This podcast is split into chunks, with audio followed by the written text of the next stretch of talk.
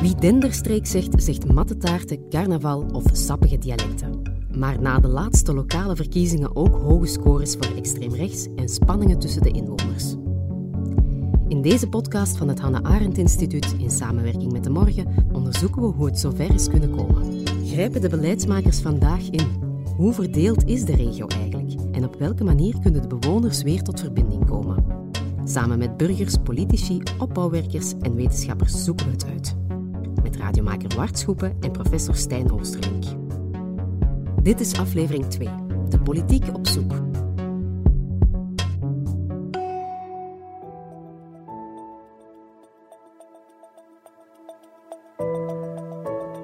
Ja, politiek zie je, zie je in de Denderstreek. Um, ik kan het uh, vrij goed volgen in Aalst, maar ik zie het ook in andere gemeentes gebeuren. Zie je toch wel uh, een en ander veranderen de jongste jaren. Dat is een tendens die al een tijdje bezig is. Hè. Van de, de legendarische Zwarte Zondag, uh, zoveel jaar terug, is de eerste keer dat er veel mensen wakker geworden zijn. Um, maar ja, je ziet daar toch een tendens dat, dat Vlaams Belang, om, om een partij bij naam te noemen, toch wel steeds groter wordt. En ik denk dat dat eigenlijk rechtstreeks een, een, gevolg is van die migratiestroom in de regio, waar dan op een of andere manier toch wel gebruik van gemaakt wordt om, om voor wat onrust te zorgen en om ervoor te zorgen dat, de, dat die stemmenaantallen ja, flink de hoogte inschieten. Hè. Kijk naar Ninove als het meest duidelijke voorbeeld, waar ze, als ik me niet vergis, achteraan in de 40% zitten. Uh, maar ook Denderleeuw en Aalst, ja, daar, daar wordt duchtig gescoord. En ik houd eerlijk gezegd mijn hart vast voor de volgende verkiezing, want ik denk zeker niet dat ze er zo nog achteruit gaan in tegendeel. Het is jammer dat bij de vorige verkiezingen in gans België Ninove op de nationale kaart gekomen is door die problemen rond politiek. En dat is vooral omdat één bepaalde politieke partij werkelijk alles eraan doet om de, de nieuwkomers hier weg, weg te, te cijferen. En ik denk, er zijn heel veel mensen die daar geweldig tegen zijn, maar die bepaalde partij heeft zoveel in haar macht en weet zoveel te zoeken en met kleine dingen dus de Ninoviters te binnen, binnen te rijgen. De opkomst van Frans Belang is uh, omdat er veel diversiteit is. En dan vinden veel mensen uh, niet goed. Er is uh, vrees van vreemdeling. Soms ik ben triest omdat we zijn mensen. En ik denk we moeten samen leven. Dan moesten de lieve vrouw van deur tot deur. Maar als ze denken van, allemaal lief, nou, als er geen verandering in beleid komt, zowel van de Vlaamse regering als van de federale regering, zowel van Europa als de grenzen moeten dicht. De grenzen moeten, er zitten in Europa veel te veel. Is er ergens een landoorlog? Allee, enige tijd nadien zitten er met duizenden. Wie zich niet aanpast, zal weg moeten. En ik kan ze geen ongelijk geven. Ikzelf, ik ben geen racist, maar ik ben een realist. Als ik zie wat er nu bezig is, als dat gaat verder gaan, dus dan denk ik dat Europa binnen 50, 60 jaar een kerkhof gaat worden. Dus als ze spreiding doen, als ze beginnen van, van, hier, gewoon zeggen, maar hier zit 25 procent, maar er zijn gemeenten waar dat praktisch geen wonen, vreemdelingen. En in Vlaanderen, de sociale uitkeringen zijn beter dan in, in Brussel en in Wallonië. Ze hebben meer faciliteiten. In, in, in de Waal zijn praktisch in sociale woningen. Hier zijn er redelijk nog, zijn er nog te weinig. Maar om hier als we gewoon bijbouwen, om hier dat er gaat komen.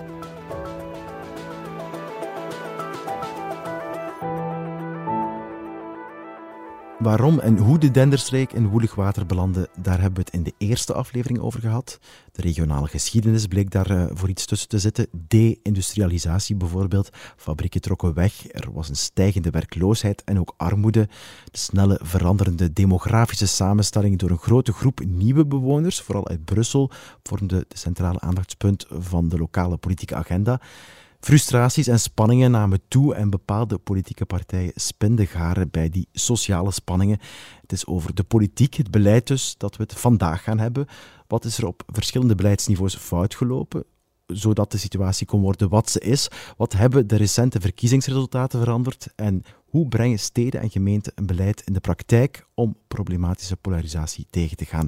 Bij mij zit opnieuw Stijn Oosterlink, professor Stijn Oosterlink, moet ik zeggen, socioloog en wetenschappelijk directeur van het Hannah Arendt Instituut. Dag Stijn. Uh, hallo. Stijn, je begeleidt ons nog steeds door deze podcastreeks. Vorige keer analyseerden we hoe de Denderstreek in een gespannen situatie zit. Vandaag zoomen we in op het beleid. En met wie moeten we daarvoor spreken, Stijn? Wel zeker met uh, lokale politici, maar mhm. er waren er niet zo heel veel bereid om mee te werken met de podcast. Uh, we hebben zowel schepenen als mhm. burgemeesters gecontacteerd, maar velen onder hen uh, wilden daar liever niet aan meewerken. Ja, en en hoe, hoe komt dat, denk je? Het is geen geheim dat de regio of de politiek in de regio, lokale politiek in de regio, onder rotte en stevige spanning staat. Extreem rechts heeft er bij de voorbije lokale verkiezingen heel hoge scores gehaald en elk woord wordt gewikt en gewogen.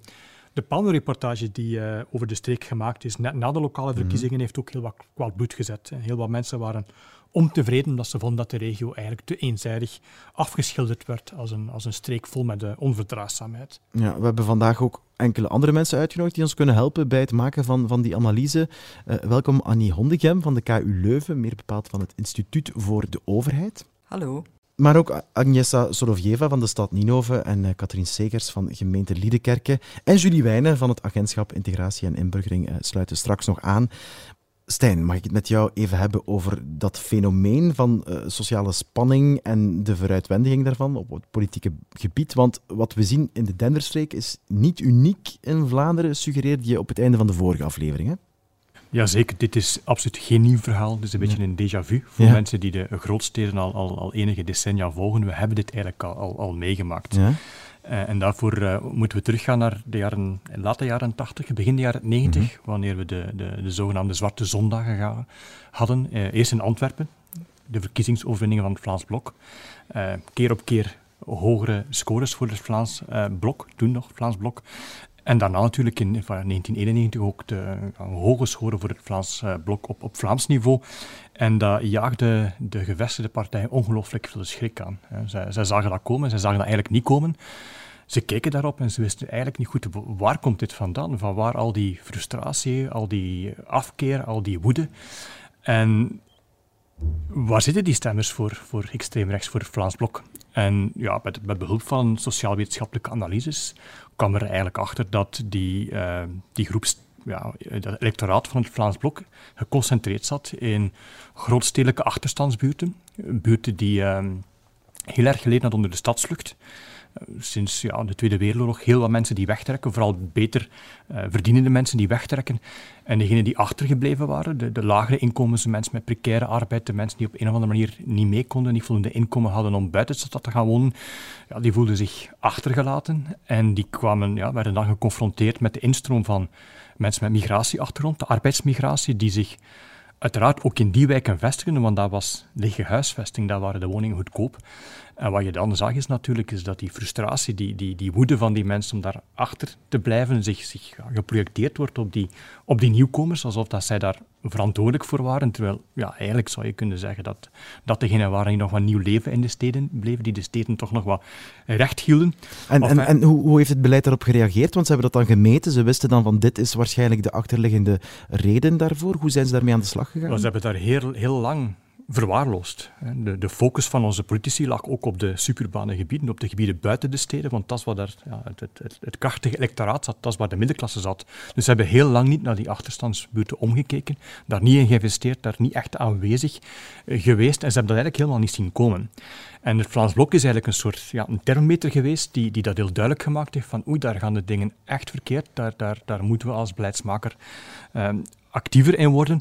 En in 1991, uh, eh, op, de, op de Zwarte Zondag, op Vlaams niveau dan, zei Jean-Luc de Hane, de toenmalige, mm ja, denk ik, belangrijkste politicus mhm. van het land, maar ook van de, van de CD&V of de mhm. CVP toen nog, van we hebben de boodschap begrepen, we hebben het signaal mhm. begrepen, wij, wij moeten gaan investeren in die wijk, we moeten aan die mensen tonen dat we niet vergeten zijn.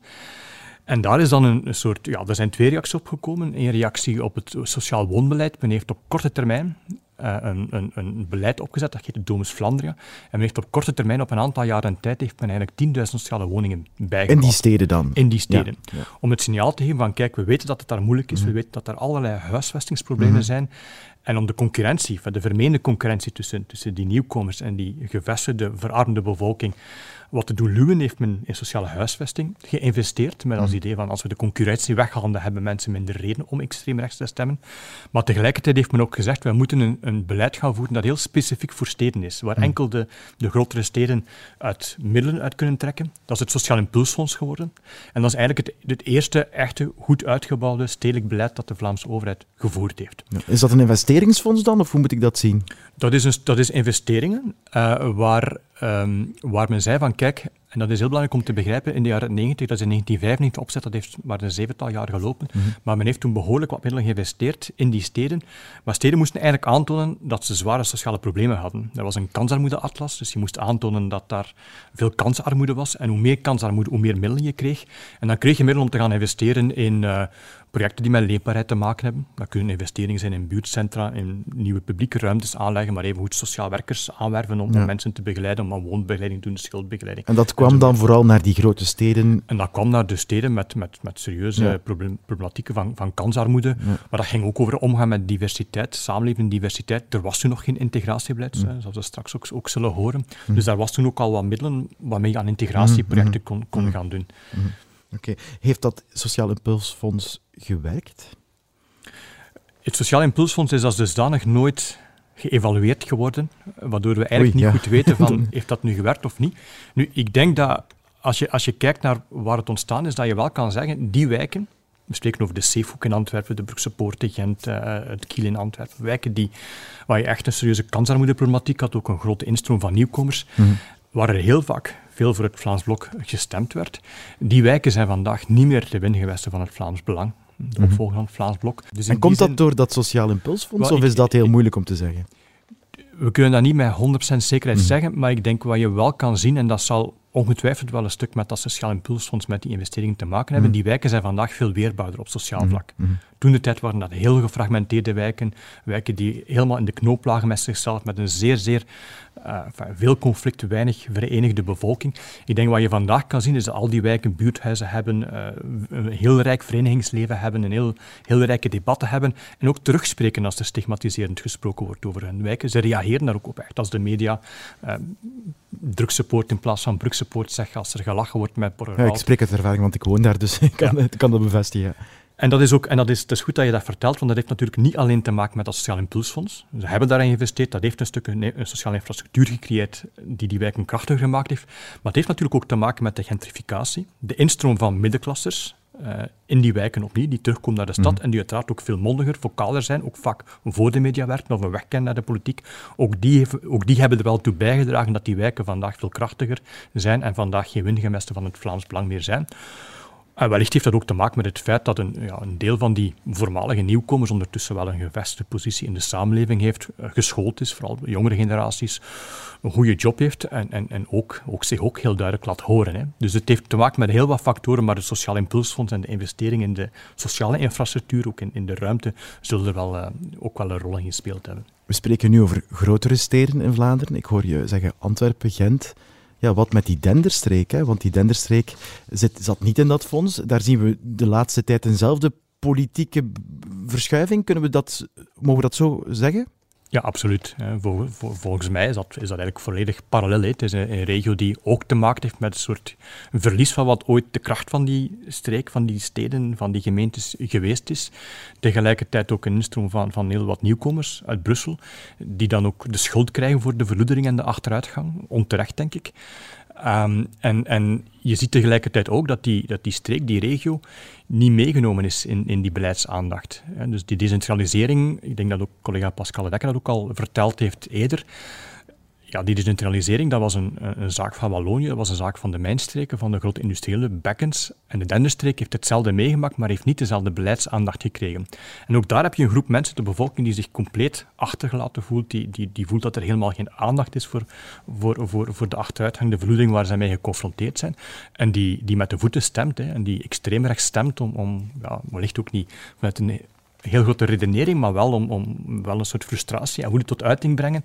En het beleid heeft daar exact dezelfde reactie op. Hè. Je ziet bijvoorbeeld bij de vorige verkiezing dat uh, gemiddeld genomen een aantal van die, uh, van die gemeentes uh, het, het, Vlaams Belang tot gemiddeld meer dan 30% van de stemmen mm haalt. En een aantal gemeentes zelf aan zet was. En dan krijg je dezelfde schrikreactie van wij moeten daar nu ingrijpen. We moeten tonen dat we dat gezien hebben. En wat, wat is er gebeurd? Wat heeft het beleid gedaan? Het beleid heeft eigenlijk onmiddellijk gereageerd door een denderfonds in het leven te roepen. dat doet mij denken aan het Sociaal Impulsfonds. Dat doet heel terecht denken aan het Sociaal Impulsfonds. Ja. Um, en dat denderfonds, dat, uh, uh, ik haal het er even bij, dat is uh, 20 miljoen euro okay. over de hele legislatuur. En dat moet gaan naar uh, de problematiek van de uitdijende effecten van het grootstedelijk gebied. Oké, okay, dat klinkt Dus duur, dat gaat ja? over de verbrusseling van Ja, die buurt. Dat is een codewoord, denk ik, voor, de, voor, voor migratie en de samenlevingsproblemen die daar mee, mee verbonden worden. Nu, dus dat is een investering om te tonen aan, aan, aan, aan gemeentes zoals Denderleeuw, Ninove, Gerardsbergen, Zottegem, eh, een beetje de odd one out, die Ja. hoort daar eigenlijk niet een treitje thuis, om te tonen van, wij zijn jullie niet vergeten, Ja. hier zijn investeringsmiddelen om daarmee om te gaan. Het enige verschil, en dat is een heel belangrijk verschil naar, naar beleidsvoering toe, is dat het Sociaal Impulsfonds je moest een aantal criteria halen en je, moest, je kan daar maar een aantal dingen mee doen. Het moest gaan om leefbaarheid, om kansarmoede, om integratieproblemen. Het Denderfonds is gewoon een blanco cheque die gegeven wordt, waarbij de Vlaamse regering zegt vanuit een of ander idee, we gaan die gemeentes niet betuttelen. Je hebt hier wat middelen, je doet ermee wat je wil. De noorden zelf eh, kennen en inschatten en daarmee aan de slag gaan. Dat is het idee erachter. Ja. Maar als gevolg dat we eigenlijk niet goed weten wat er met die middelen gebeurt. Die komen in een algemene pot terecht. En we zien wel dat, die, dat, dat in die regio gemeentes investeren in jeugdwelzijnswerk, in opbouwwerk, in allerlei sociale activiteiten, zoals het Sociaal Impulsfonds een beetje. Maar eigenlijk is dat heel moeilijk terug te traceren op die middelen van het Denderfonds, want die komen uit een algemene, algemene pot. Uh, dus in die zin, ja, dat is wel een groot verschil met het Sociaal Impulsfonds. Dankjewel, Stijn. Annie, jij bent expert in zaken het integratiebeleid. Dat beleid richt zich bijvoorbeeld op inburgering, met lessen Nederlands en maatschappelijke oriëntatie, maar wil breder ook de algemene participatie van nieuwkomers versterken, bijvoorbeeld op domeinen als onderwijs en tewerkstelling. Ja, in de nasleep van Zwarte Zondag werd ook het integratiebeleid uitgewerkt. Daarover gaan we graag uh, het gesprek aan met jou. Is dat Vlaams integratiebeleid er in dezelfde context gekomen als toen, of hoe moeten we dat zien? Wel, eigenlijk wel. Uh, dus het integratiebeleid vindt zijn oorsprong uh, begin van de jaren 90. Mm-hmm. En in feite was de directe aanleiding ook uh, de verandering in die politieke context. Dus de, ver, de verrechtsing. en, en, dus het idee was eigenlijk dat via een integratiebeleid dat men daar een stuk een, een dam, dat men eigenlijk een stuk dat samenleven zou kunnen bevorderen, waardoor dat men eigenlijk die, die verrechtsing en ook dat politieke klimaat terug zou kunnen keren. Betekent dat ook dat er dan geld werd vrijgemaakt om te investeren, ook lokaal? Hadden die lokale besturen daar een rol in? Wel, het, het heeft natuurlijk ondertussen al een hele weg uh, afgelegd. Hè. Mhm. Dus uh, het eerste is natuurlijk dat men ging definiëren van ja, wat, wat, wat betekent dat uh, integratiebeleid? Er zijn heel wat, er is wat regelgeving rond gecreëerd. En na verloop van tijd zijn daar dan inderdaad ook subsidies Mhm. vooruitgetrokken vanuit Vlaanderen. Uh, aan uh, lokale besturen en dan zeker met de vluchtelingenstroom van uh, 2015 zijn er nog extra middelen naar lokale besturen gegaan om eigenlijk dat integratiebeleid uit, uit, te bouwen. En we merken ook dat in feite die subsidiestroom toch wel een belangrijke hefboom geweest is voor veel lokale besturen om echt werk te maken van dat integratiebeleid. Ja, en hoe doen lokale besturen dat? Wat is hun rol dan precies? Ja, dus volgens het, uh, in, het decreet, hè, het uh, inburgerings- en, en, integratiedecreet, hebben uh, lokale besturen een regierol. Hè. Dus ook dat is een specifieke term die daarvoor gebruikt wordt. Mm. En regie betekent eigenlijk dat ze niet zelf alles moeten doen, maar dat ze eigenlijk uh, mensen moeten samenbrengen en vooral ook uh, anderen die ook met integratiebeleid bezig zijn, moeten gaan coördineren Mhm. en sturen. Dus dat is eigenlijk het concept. Nu, uh, je, kunt, je kunt daar wel wat bedenkingen uh, bij geven natuurlijk. Hè. Je kunt alleen maar regisseren als er ook iets te regisseren Ja, want we hebben het er al uitgebreid over gehad in deze podcast. In de Denderstreek bijvoorbeeld valt het sociaal weefsel een beetje weg. Dan komen er geen initiatieven, denk ik, die je kan regisseren. Hè? Dat... Ja, dus als er natuurlijk weinig of geen uh, verenigingen zijn die, die, die zich al toeleggen op integratiebeleid, ja, dan, dan valt er natuurlijk niet veel te, te regisseren en moeten de gemeenten misschien zelf eerder wat, met wat men dan noemt een actorrol opnemen. Dus eigenlijk zelf een stuk diensten aanbieden die te maken hebben met integratiebeleid. En gebeurt dat? Of gebeurt dat te weinig? Dat, uh, dat gebeurt zeker, maar ook daar moeten we natuurlijk wel vaststellen dat de interne uh, capaciteit uh, in gemeentebesturen om een uh, integratiebeleid uit te bouwen, dat dat wel heel variabel is. Hè. Dus grote steden beschikken over het algemeen wel over wat capaciteit. Uh, mensen spreekt u, u spreekt over mensen dan, of ook over middelen? Uh, en nu spreek ik in eerste instantie over mensen. Hè. Dus als, je moet wel trekkers hebben, zowel op politiek vlak als op ambtelijk vlak, als je echt een, een integratiebeleid wil uitbouwen. Is het ook een politieke wil die er moet zijn om, om dat te doen of in, in, in gang te steken? Ja, je kunt geen integratiebeleid hebben als er geen uh, politieke wil is om een integratiebeleid te voeren. En zeker nu dat, nu dat er geen geoormerkte middelen meer zijn, die middelen eh, maken Die voorbestemd zijn voor dat integratiebeleid. Van het, uh, gemeentefonds. Dus in feite kan het bestuur beslissen om die middelen ook aan iets anders te besteden. Dus als er geen politieke wil is, ja, dan besteden ze die middelen misschien aan andere zaken. Ja, dankjewel Annie. Dat brengt ons naadloos bij onze volgende gast, mevrouw Tanja de Jonge, burgemeester van Ninove, uh, van Open VLD. Zij probeert om te gaan met de spanningen in haar stad en krijgt ook af te rekenen met stevige oppositie van bijvoorbeeld Forza Ninove. We gaan haar even opbellen, want zij kon er door de coronamaatregelen niet bij zijn. Maar eerst gaan we nog even luisteren naar de burgers uit de regio, die we in deze podcast uit de eerste hand laten getuigen over de situatie. Vorige aflevering maakten we al kennis met Aalstenaars Philippe en Musto. Philippe is een ondernemer met een zaak in de stad. Musto werkt als theatertechnieker in Brussel. Zij hebben het over de politieke polarisatie. Dan is er ook nog Miradi. Uh, Miradi is 16, heeft Afrikaanse roots. In het buurthuis in Denderleeuw ziet hij af en toe Jean-Pierre, die zich dan weer in de steek gelaten voelt door de traditionele partijen en waardeert dat Vlaams Belang voedselbedelingen organiseert voor de verarmde bevolking.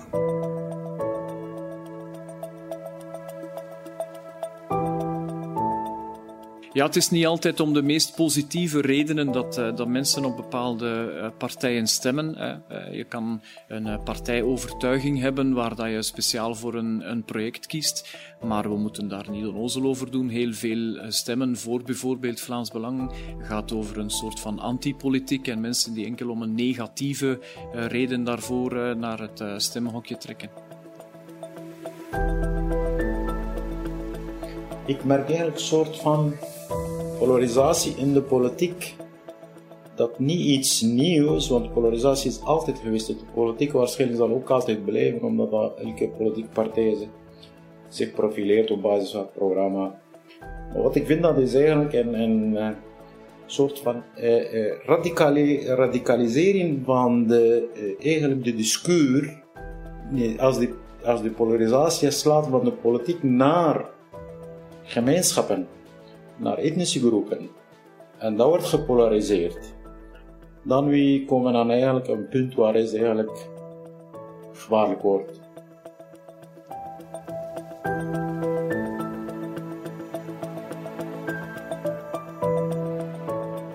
Ja, in Vlaams Belang vind ik dat zijn mensen die echt zo, ik weet niet wat er met hun is, maar die echt zo een probleem hebben met wel de zwarte personen. Waarom weet ik niet. Zo, er gaat iets gebeuren en ze gaan, direct, zo, ze gaan profiteren dat er, als er een zwarte bij is, dat ze gaan zeggen, ah, dat is zo met die zwarte gebeurd. En dan gaan die mensen zo zitten denken, ah ja, het is weer al een zwarte die erbij is. En dat is altijd zo. Ik vind het jammer, want ik denk dat er veel mensen zijn um, die daarmee doen, die beïnvloed worden. En ik denk zeker dat er mensen daar zijn bij um, Vlaams Belang die ons zullen leren kennen.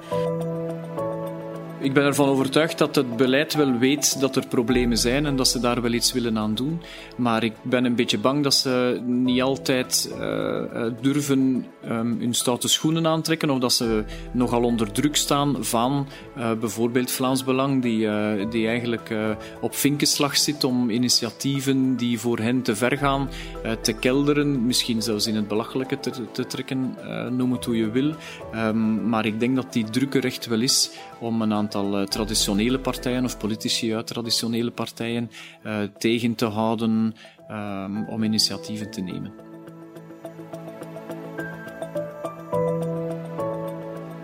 Maar als ik eh, mijn, dingen lees hoor, van de politieke partijen zo, we gingen veel niet. Maar wat dat die allemaal doen, ja, dat is toch. Maar dat is begin Afrikaan. Dat is enkel. Die delen eten uit. Die houden uh, speciaal dingen om uh, mensen te ontvangen. Voor uh, ja, eten en zo alles. Met kerstmis worden er feestmalen bezorgd om, om, mensen, dat, dat ik al gezien heb. Allee, dat ik hoor, dat ik, maar voor andere partijen hoor ik er weinig van. We hebben het in deze aflevering van de podcast over het beleid en hoe beleidsmakers met de uitdaging in de regio aan de slag gaan. En natuurlijk willen we graag een beleidsmaker zelf ook aan het woord laten. Dus spreken we met uh, burgemeester van Ninove, mevrouw Tanja de Jonge. Ja, wat is voor u in uw stad eigenlijk de grootste uitdaging? Wel, ik denk uh, dat uh, mensen elkaar beter moeten leren kennen. Hè. We leven in een maatschappij, en zeker in onze stad, waar het telkens opnieuw een wij- en zij-verhaal is. Hè. Als je weet dat 52 van de mensen uh, een probleem heeft met uh, mensen van een andere cultuur, ja, dat is een signaal die heel sterk is. Dus dat betekent dat je mensen meer bij elkaar moet brengen en in plaats van het wij- en zij-verhaal te gaan verkondigen, toch wel een verhaal moet brengen waarbij bruggen gebouwd worden en mensen elkaar beter leren kennen. Dat is de essentie om dat verschil toch wel uh, aan te pakken. En hoe, hoe doet u dat in Ninove? Hoe pakt u dat verschil aan in Ninove?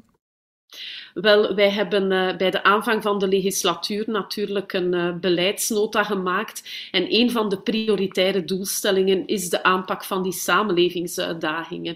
Dus wij hebben uh, heel wat geïnvesteerd in drie belangrijke luiken. Enerzijds in onze politie en integrale veiligheid, want dat is belangrijk. Je moet ook de dingen aanpakken, de problemen die er zijn.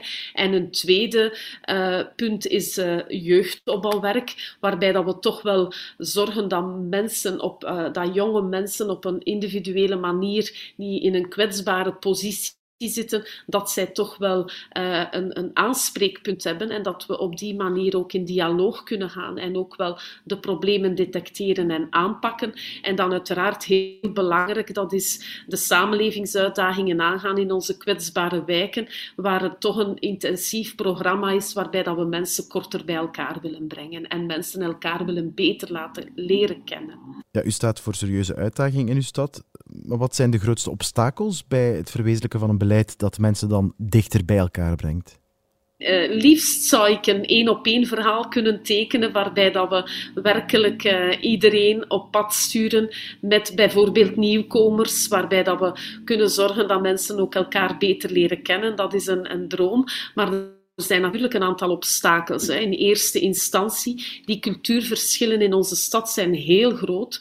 Dus ik denk dat we daar uh, met samenlevingsopbouw een mooi verhaal aan het schrijven zijn met de bedoeling van het toch allemaal uh, beter uh, te doen in de toekomst. Maar wij hebben bijvoorbeeld ook de coronaproblemen. Hè. Dus wij hebben de aanpak van de pandemie. En in onze stad hebben we daardoor heel wat personeelsinzet gehad om die pandemie goed aan te pakken.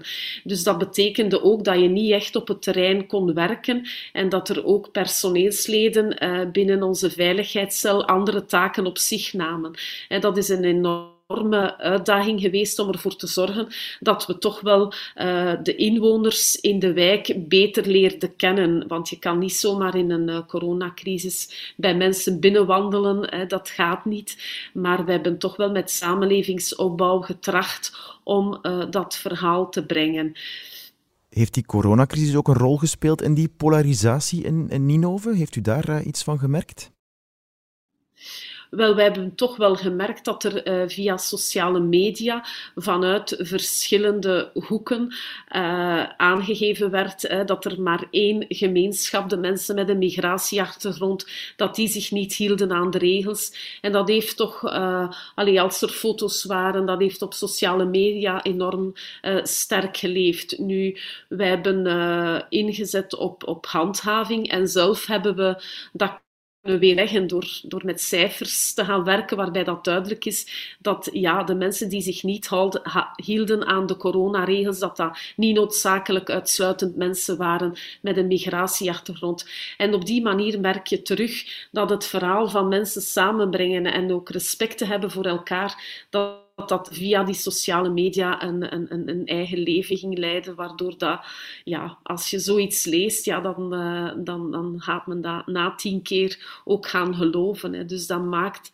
dat je toch wel... Uh, ja, die polarisatie, dat zich, zich, dat toch wel verder zet. Ja, die sociale media, hoor ik u zeggen, dat is wel iets waar u heel moeilijk vat op kan krijgen natuurlijk als, als lokaal bestuur of als beleidsmaker. Ja, dat klopt. Eh, je moet daar een, een sterk communicatieplan tegenover zetten en ook met cijfers aantonen dat uh, de, de, wat gezegd wordt niet altijd correct is. En dat is niet zo evident. Wij hebben eh, eh, ik zeg, de coronacrisis die we trachten te beheersen hebben in onze eigen stad, heeft enorm veel inspanningen gevraagd van het personeel. En dat maakt ook dat je niet alles in de hand hebt. Dus uh, mensen en middelen is enorm belangrijk om stappen vooruit te zetten. U heeft daar eh, van Vlaanderen wel wat extra middelen voor gekregen, in de vorm van een Denderfonds. Dat bestaat voor verschillende gemeenten en steden in de Denderstreek. Hoe heeft u dat ingezet of wat heeft u met dat extra geld gedaan? Wel, in eerste instantie hebben wij een flinke inhaalbeweging gedaan op personeelsinzet bij de politie, waarbij dat we de wijkpolitie, die ontzettend belangrijk is, ook in onze kwetsbare wijken hebben uh, uitgebreid. En waarbij we ook extra mensen binnen de sociale cel hebben voorzien, die vooral gericht uh, moeten werken op uh, verontruste opvoedingssituaties en ook intrafamiliaal geweld, die ook in onze stad was toegenomen, ook tijdens de coronacrisis.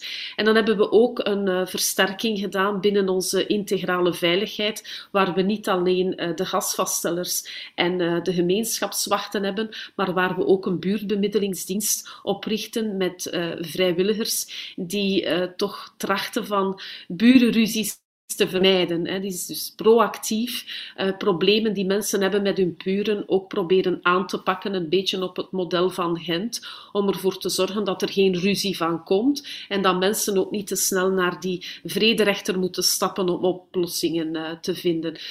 En daarnaast hebben we natuurlijk uh, samenlevingsopbouw aangesteld om ervoor te zorgen dat we een, uh, een individueel gerichte aanpak in onze wijken hebben, waar brugfiguren bij mensen gaan om ook naar hen te luisteren, welke obstakels zij ondervinden in het samenleven en dat we daar proberen toch initiatieven tegenover te brengen om mensen korter bij elkaar te brengen. Kan u eens een concreet voorbeeld geven van hoe dat er dan in de praktijk uitziet? Wel, een van onze wijken, wijken noemt de blokken. En daarom hebben we een initiatief genomen, en dat was uh, de Blockbusters, waar dat de buurtbewoners uitgenodigd werden om een hapje en een drankje te nuttigen en op die manier met elkaar in contact konden treden. En dat was ook een karavaan waar iedereen een beetje geïnterviewd werd van hoe voel je je in de wijk, hoe sta je tegenover je buren, ken je je buren. Dus en op die manier schetste ieder voor zich een beetje de, de, de mooie en de minder mooie dingen van de wijk. En er ontstond een, een, een heel interessante dialoog, waardoor dat mensen ook elkaar beter leerden kennen. Was een heel mooi, mooi initiatief. Ik ben daar zelf ook naartoe geweest. En uh, ja, het was ook heel fijn om te horen dat mensen zeiden: ja, die mevrouw woont drie huizen verder dan mij en eigenlijk ken ik haar niet. En dus uh, dat was toch wel heel positief. U probeert die ontmoeting aan te zwengelen, dat is een van de uitdagingen.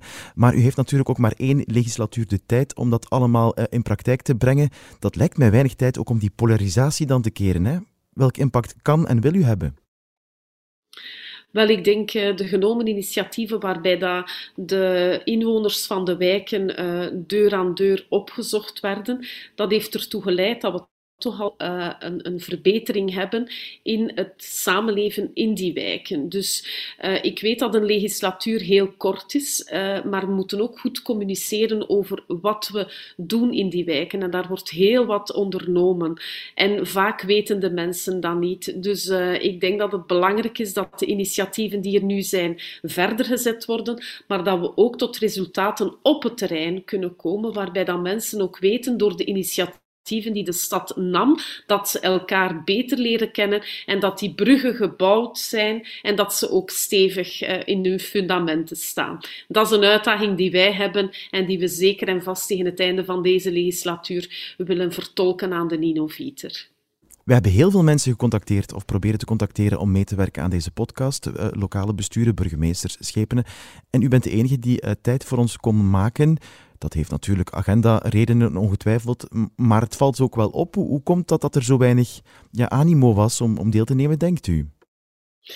Ja, ik kan natuurlijk niet voor mijn uh, collega's uh, spreken, maar ik vind het uh, heel belangrijk dat men weet wat we met de middelen van Vlaanderen gedaan hebben om die samenlevingsuitdagingen aan te pakken. Dus vind ik het ook belangrijk om dat te kunnen vertolken. We hebben heel wat initiatieven al genomen en wij hopen dat we eh, tegen het einde van deze legislatuur werkelijk eh, mensen korter bij elkaar gebracht hebben, want daar draait het uiteindelijk om. Ja, dankjewel mevrouw de Jonge voor deze bijdrage en veel succes daar ook nog in Ninove. We gaan dan ook eens luisteren naar de mensen die dat beleid moeten gaan uitvoeren, maar eerst steken we ook nog ons licht even op bij een aantal burgers die ook een nood zien om de brug te slaan tussen die verschillende groepen in eh, de maatschappij. We horen voor het eerst Maide uit Aalst, waarna Philippe, Annie en Miradi uitleggen welke mogelijkheden zij zien om de gemeenschappen dichter bij elkaar te brengen. Ik ben Maide, ik ben 23 jaar. Uh, ik ben geboren en getogen in Aalst. Ik heb een Turkse afkomst. Ik studeer momenteel architectuur in Brussel, faculteit van KU Leuven. Wat ik vooral mis in Aalst is de ontmoeting van uh, de verschillende groepen. Bijvoorbeeld, we komen eigenlijk goed overeen met z'n buren. We kennen ook heel veel mensen. Maar ik vind het wel heel spijtig dat we eigenlijk niet zoveel samen doen. Uh, ik, vind dat, ik vind dat spijtig, want ik denk dat we in onze eigen gemeenschap zijn gebleven. Misschien had dat vroeger te maken met zaal, want dat zie je eigenlijk heel vaak bij migranten, dat ze bij hun eigen gemeenschap zijn gebleven. Ik heb zelf wel veel Belgische uh, vrienden en vriendinnen, ook in mijn werk. Ik werk momenteel als student bij H&M. Maar bij mijn ouders is het wel anders. Als er eens een Belg over de vloer komt, vinden ze dat, dat wel echt speciaal. Ze zijn vooral bevriend met mensen van Turkse origine. Uh, volgens mij uh, is er vooral onwetendheid. We kennen elkaar niet zo goed eigenlijk. Ook al wonen we al jaren in dezelfde stad, uh, ik denk dat we elkaar nog niet altijd goed kennen. En het is eigenlijk iets wederzijds en we moeten daar eigenlijk iets aan doen. We moeten eigenlijk mensen meer laten ontmoeten, dieper gaan dan oppervlakkige contacten. Ik mis vooral een vereniging die maatschappelijk engagement opneemt en waar mensen met en zonder migratieachtergrond samen dingen kunnen doen. Ja, als je elkaar niet kent en als je elkaar niet praat en niet met elkaar leeft of wil leven, dan kan je ook nooit eh, samen naar oplossingen zoeken. En dat is volgens mij de enige manier om, uh, om beter samen te gaan leven. Het is zelfs zo dat onze huidige burgemeester uh, er zal voor zorgen, en die zijn er misschien al, want dat kan ik zo van dichtbij niet zien, dat er brugfiguren gingen zijn hier in onze stad om een link te leggen tussen de, tussen de, de, de Ninoviders en de nieuwkomers. En dat daardoor vooral de jongeren veel meer kansen zouden krijgen om zich echt meer thuis te voelen en nog beter te integreren. Ik vind het zeker belangrijk dat mensen elkaar ontmoeten, kans geven. Je gaat zien, dat kan je beste vriendin worden een jaar. En zo. Ja, ik, ik vind het echt belangrijk dat mensen elkaar een kans geven. We willen het graag hebben over die mensen die dat beleid ook echt gaan uitvoeren en hoe dat gebeurt. Daarvoor zijn hier bij ons Katrien, Agnessa en Julie. Dag dames. Hallo. Hallo. Hallo. Katrien, jij bent medewerker bij gemeente Liedekerke. Agnessa, jij werkt in Ninove. Jullie zijn de mensen die in de praktijk staan. Jullie vertalen die beleidsvisies als medewerkers van de gemeente of de stad naar de praktijk. Misschien kan ik bij jou beginnen, Katrien. Leg eens uit, hoe pak je dat aan in een kleine gemeente als Liedekerke? Wel ja, in uh, ben ik coördinator integratie, diversiteit en gelijke kansen. Uh, dat is uh, een mansdienst, binnendienst samenleven. Uh, en wij werken eigenlijk heel vaak samen met de andere diensten. Vooral vrije tijd, sociaal huis, uh, burgerzaken. Uh, maar dat kan ook even goed infrastructuur zijn. Ja, jij doet dat alleen en je zoekt partners binnen de gemeente. Hoe gaat dat bij jou, Agnessa? Hoe pak jij het aan in de stad Ninove? Wel, ik werk als uh, projectmedewerker binnen stafwelzijn. Wij zijn met uh, vier projectmedewerkers momenteel. Dat is wel nog maar sinds kort hè, dat wij ons bezighouden met uh, het thema welzijn in zijn breder geheel. Dat gaat dus van geïntegreerd breed onthaal tot armoede, tot integratie, gelijke kansen. dus eigenlijk alle sociale projecten binnen stad en OCMW Ninove worden door ons uh, zeg maar uitgerold. Ja, we hebben het al gehoord. Er zijn middelen bijgekomen voor de steden en de gemeente in de Denderstreek, ook in Ninove. Politieke keuzes zijn ook belangrijk, hebben we Annie horen zeggen. Ja, Agnessa, zie je dat ook in de praktijk? Ja, zeker. Uh, met onze meerjarenplan van 2020 werd er wel wat aandacht besteed aan uh, sociale of diversiteitsmaterie. Zo werden er ook oproepen uitgeschreven voor een nieuwe buurtwerking. Daar heeft de PINVZ2 op ingetekend, samen met samenlevingsopbouw. Ja, dat zijn inderdaad projecten die echt kunnen bijdragen aan de verbetering van de wijken, aan verbinding met, tussen de mensen, aan die ontmoeting stimuleren. En anderzijds hebben we ook uh, Habbekrats vanuit uh, het Gentse kunnen binnenhalen met twee jeugdopbouwwerkers. Dus uh, ook daar heb je natuurlijk middelen voor nodig, ja. Ja, middelen zijn nodig, maar de, de geest van de mensen moet ook mee. Je zit daar met een heel diverse demografie, ook in leeftijd. Hè. Speelt dat een rol? Ja, de vergrijzing, we merken dat ook. Hè, bij de instroom zijn het dan vooral jongere gezinnen, hè, of gezinnen met jongere kinderen, hè, voornamelijk, als we over anderstalige personen spreken. We hebben ook een uitstroom uit Ninove. Dat zijn vaak ja, zeg maar de actieve leeftijdsklassen die dan ja, naar de steden trekken of uh, daar blijven plekken, zoals men dat noemt, na de studentenjaren, uh, studi uh, zeg maar. Mm -hmm. En dan krijg je een groot aandeel in die vergrijzing van de 65-plussers, die wel achterblijft, als ik het zo mag noemen. Mm -hmm. En daar voel je dat die Um, al die veranderingen, die toch op tien jaar tijd hè, zitten we met een, meer dan een verdubbeling aan personen van vreemde herkomst, mm -hmm. zowel binnen het onderwijs als zogezegd in straatbeeld. Daar voel je wel spanningen ontstaan. Ja, is dat de grootste uitdaging om al die verschillende groepen uh, elkaar meer te laten ontmoeten of, of te leren kennen? Ik geloof van wel. Uh, ik denk dat ontmoetingskansen creëren, inzetten op verbinding in de buurt, dat dat een belangrijke is. Zeker de Um, oudere bevolking, uh, die kende vroeger iedereen in de straat uh, en vandaag voelen ze zichzelf vervreemd in hun, eigen, uh, in, in, hun eigen buurt. Zij kijken nostalgisch terug naar hun, naar hun woonregio en voelen zich niet meer thuis in de huidige context. En ik denk dat dat toch wel de toekomst mag zijn van een integratiebeleid, als ik het dan zo mag verwoorden. dat we niet enkel de nieuwe, anderstalige inwoners mee moeten loodsen naar de hedendaagse maatschappij, maar dat het ook die nostalgische inwoner mag zijn die ook mee naar de hedendaagse context gebracht wordt. Ja, het is een inclusief verhaal, hoor ik. Laten we hoopvol naar de toekomst kijken. Er is nood aan ontmoeting. Hebben jullie concrete voorbeelden die ter inspiratie kunnen dienen van een beleid dat uh, die samenleving in diversiteit en ontmoeting zou moeten bevorderen? Wel, ik denk dan bijvoorbeeld maar aan uh, de Stadsmariniers. Dat is een vernieuwd concept dat komt overwaaien vanuit Nederland.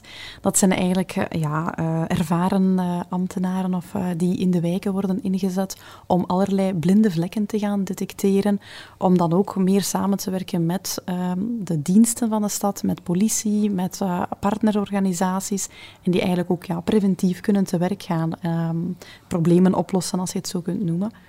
Liedekerke, dat is een ander verhaal, denk ik. Zijn daar uh, zaken die in verandering zijn, waarvan je zegt, dit is ook echt belangrijk voor andere plekken in Vlaanderen, die kunnen hier echt uh, iets van opsteken? Wel, je merkt op dat, uh, dat we meer moeten inzetten op samenwerking, expertise delen. Uh, in Liedekerke werken we intussen al uh, even samen met onze buurgemeente voor allerlei projecten, zoals taalkampjes voor kinderen bijvoorbeeld. en ik denk um, dat we veel meer moeten af en toe buiten de grenzen kijken. een keer gaan kijken naar de goede voorbeelden van de iets grotere gemeenten of steden, om die dan ook te kunnen toepassen op lokaal niveau.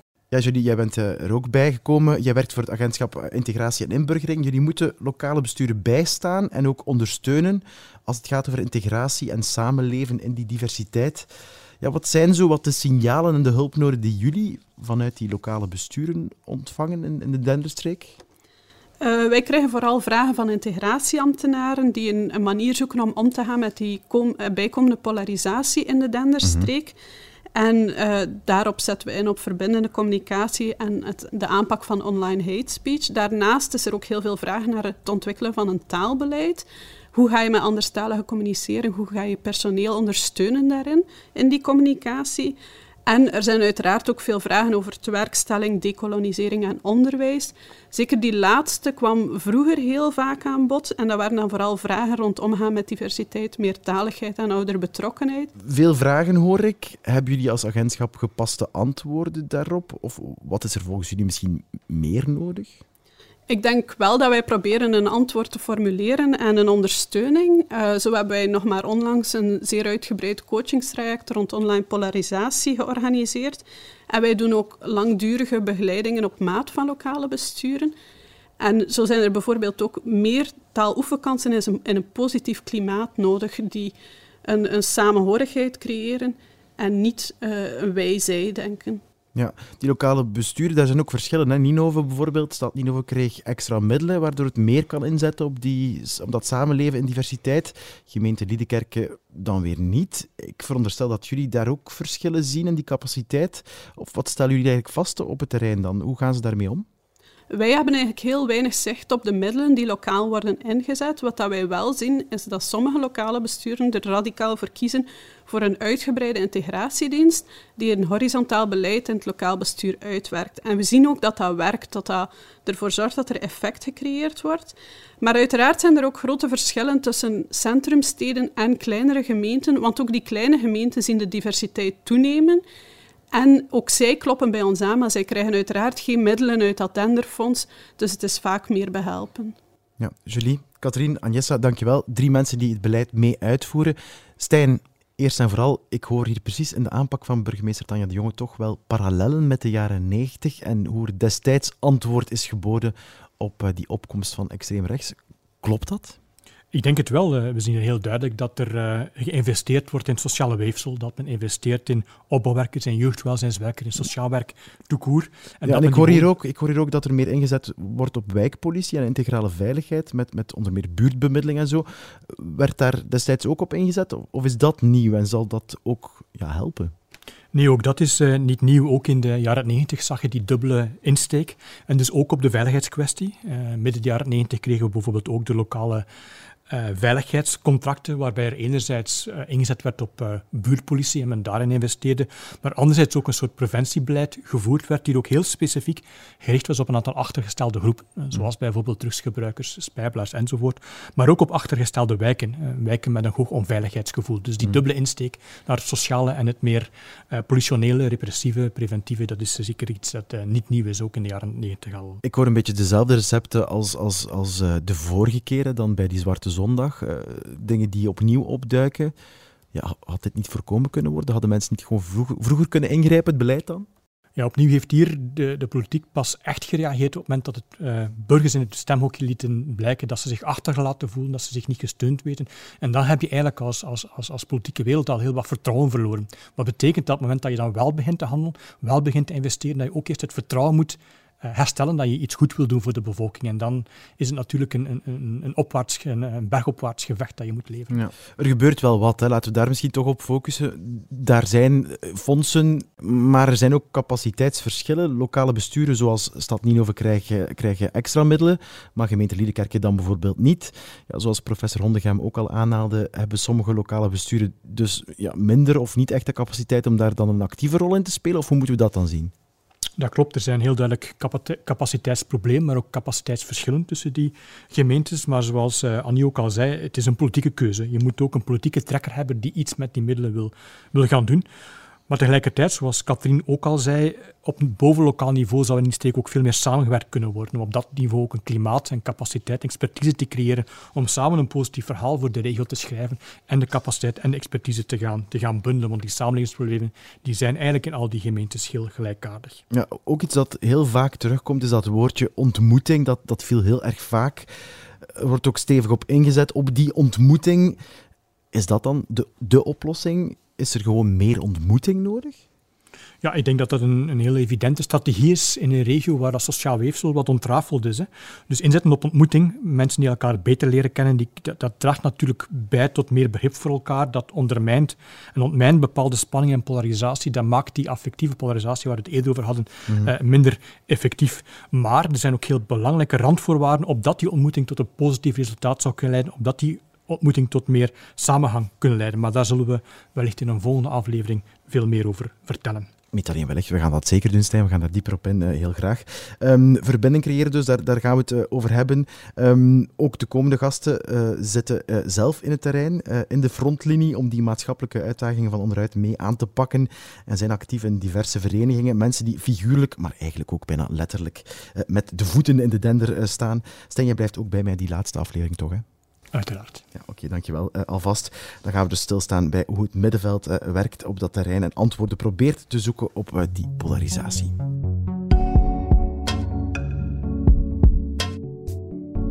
U luisterde naar Denderstreek, een podcast van het Hannah Arendt Instituut in samenwerking met De Morgen, over een regio in woelig water. We zagen dat de politiek op verschillende niveaus een rol speelde bij de groeiende polarisatie in de streek. Maar waar de politiek geen oplossingen vindt, gaan burgers die zoeken. We hebben een campagne rond Goeiedag zeggen tegen elkaar. Wij organiseren buurtbabbels, wij organiseren barbecues, wij gaan samen op vakantie met gezinnen. Welke mogelijkheden ziet het middenveld en het verenigingsleven om de mensen weer bij elkaar te brengen? Sociale organisaties, verenigingen en buurtopbouwwerkers gaan aan de slag om ter plaatse het wederzijds begrip te vergroten. Wat werkt en wat niet. Dus de betrokkenheid uh, stimuleren zeg maar, van uh, deze nieuwe doelgroep in onze stad. Dus uh, is, ja, het is moeilijk omdat we echt als een slaapgemeente kunnen aanzien worden. In de derde en laatste aflevering van Denderstreek is het dan het middenveld. En we proberen conclusies te trekken uit deze reeks. Hoe kunnen beleidsmakers en burgers de handen in elkaar slaan om van een regio in rouw naar een streek in opbouw te evolueren? U hoort het in de derde en laatste aflevering van Denderstreek.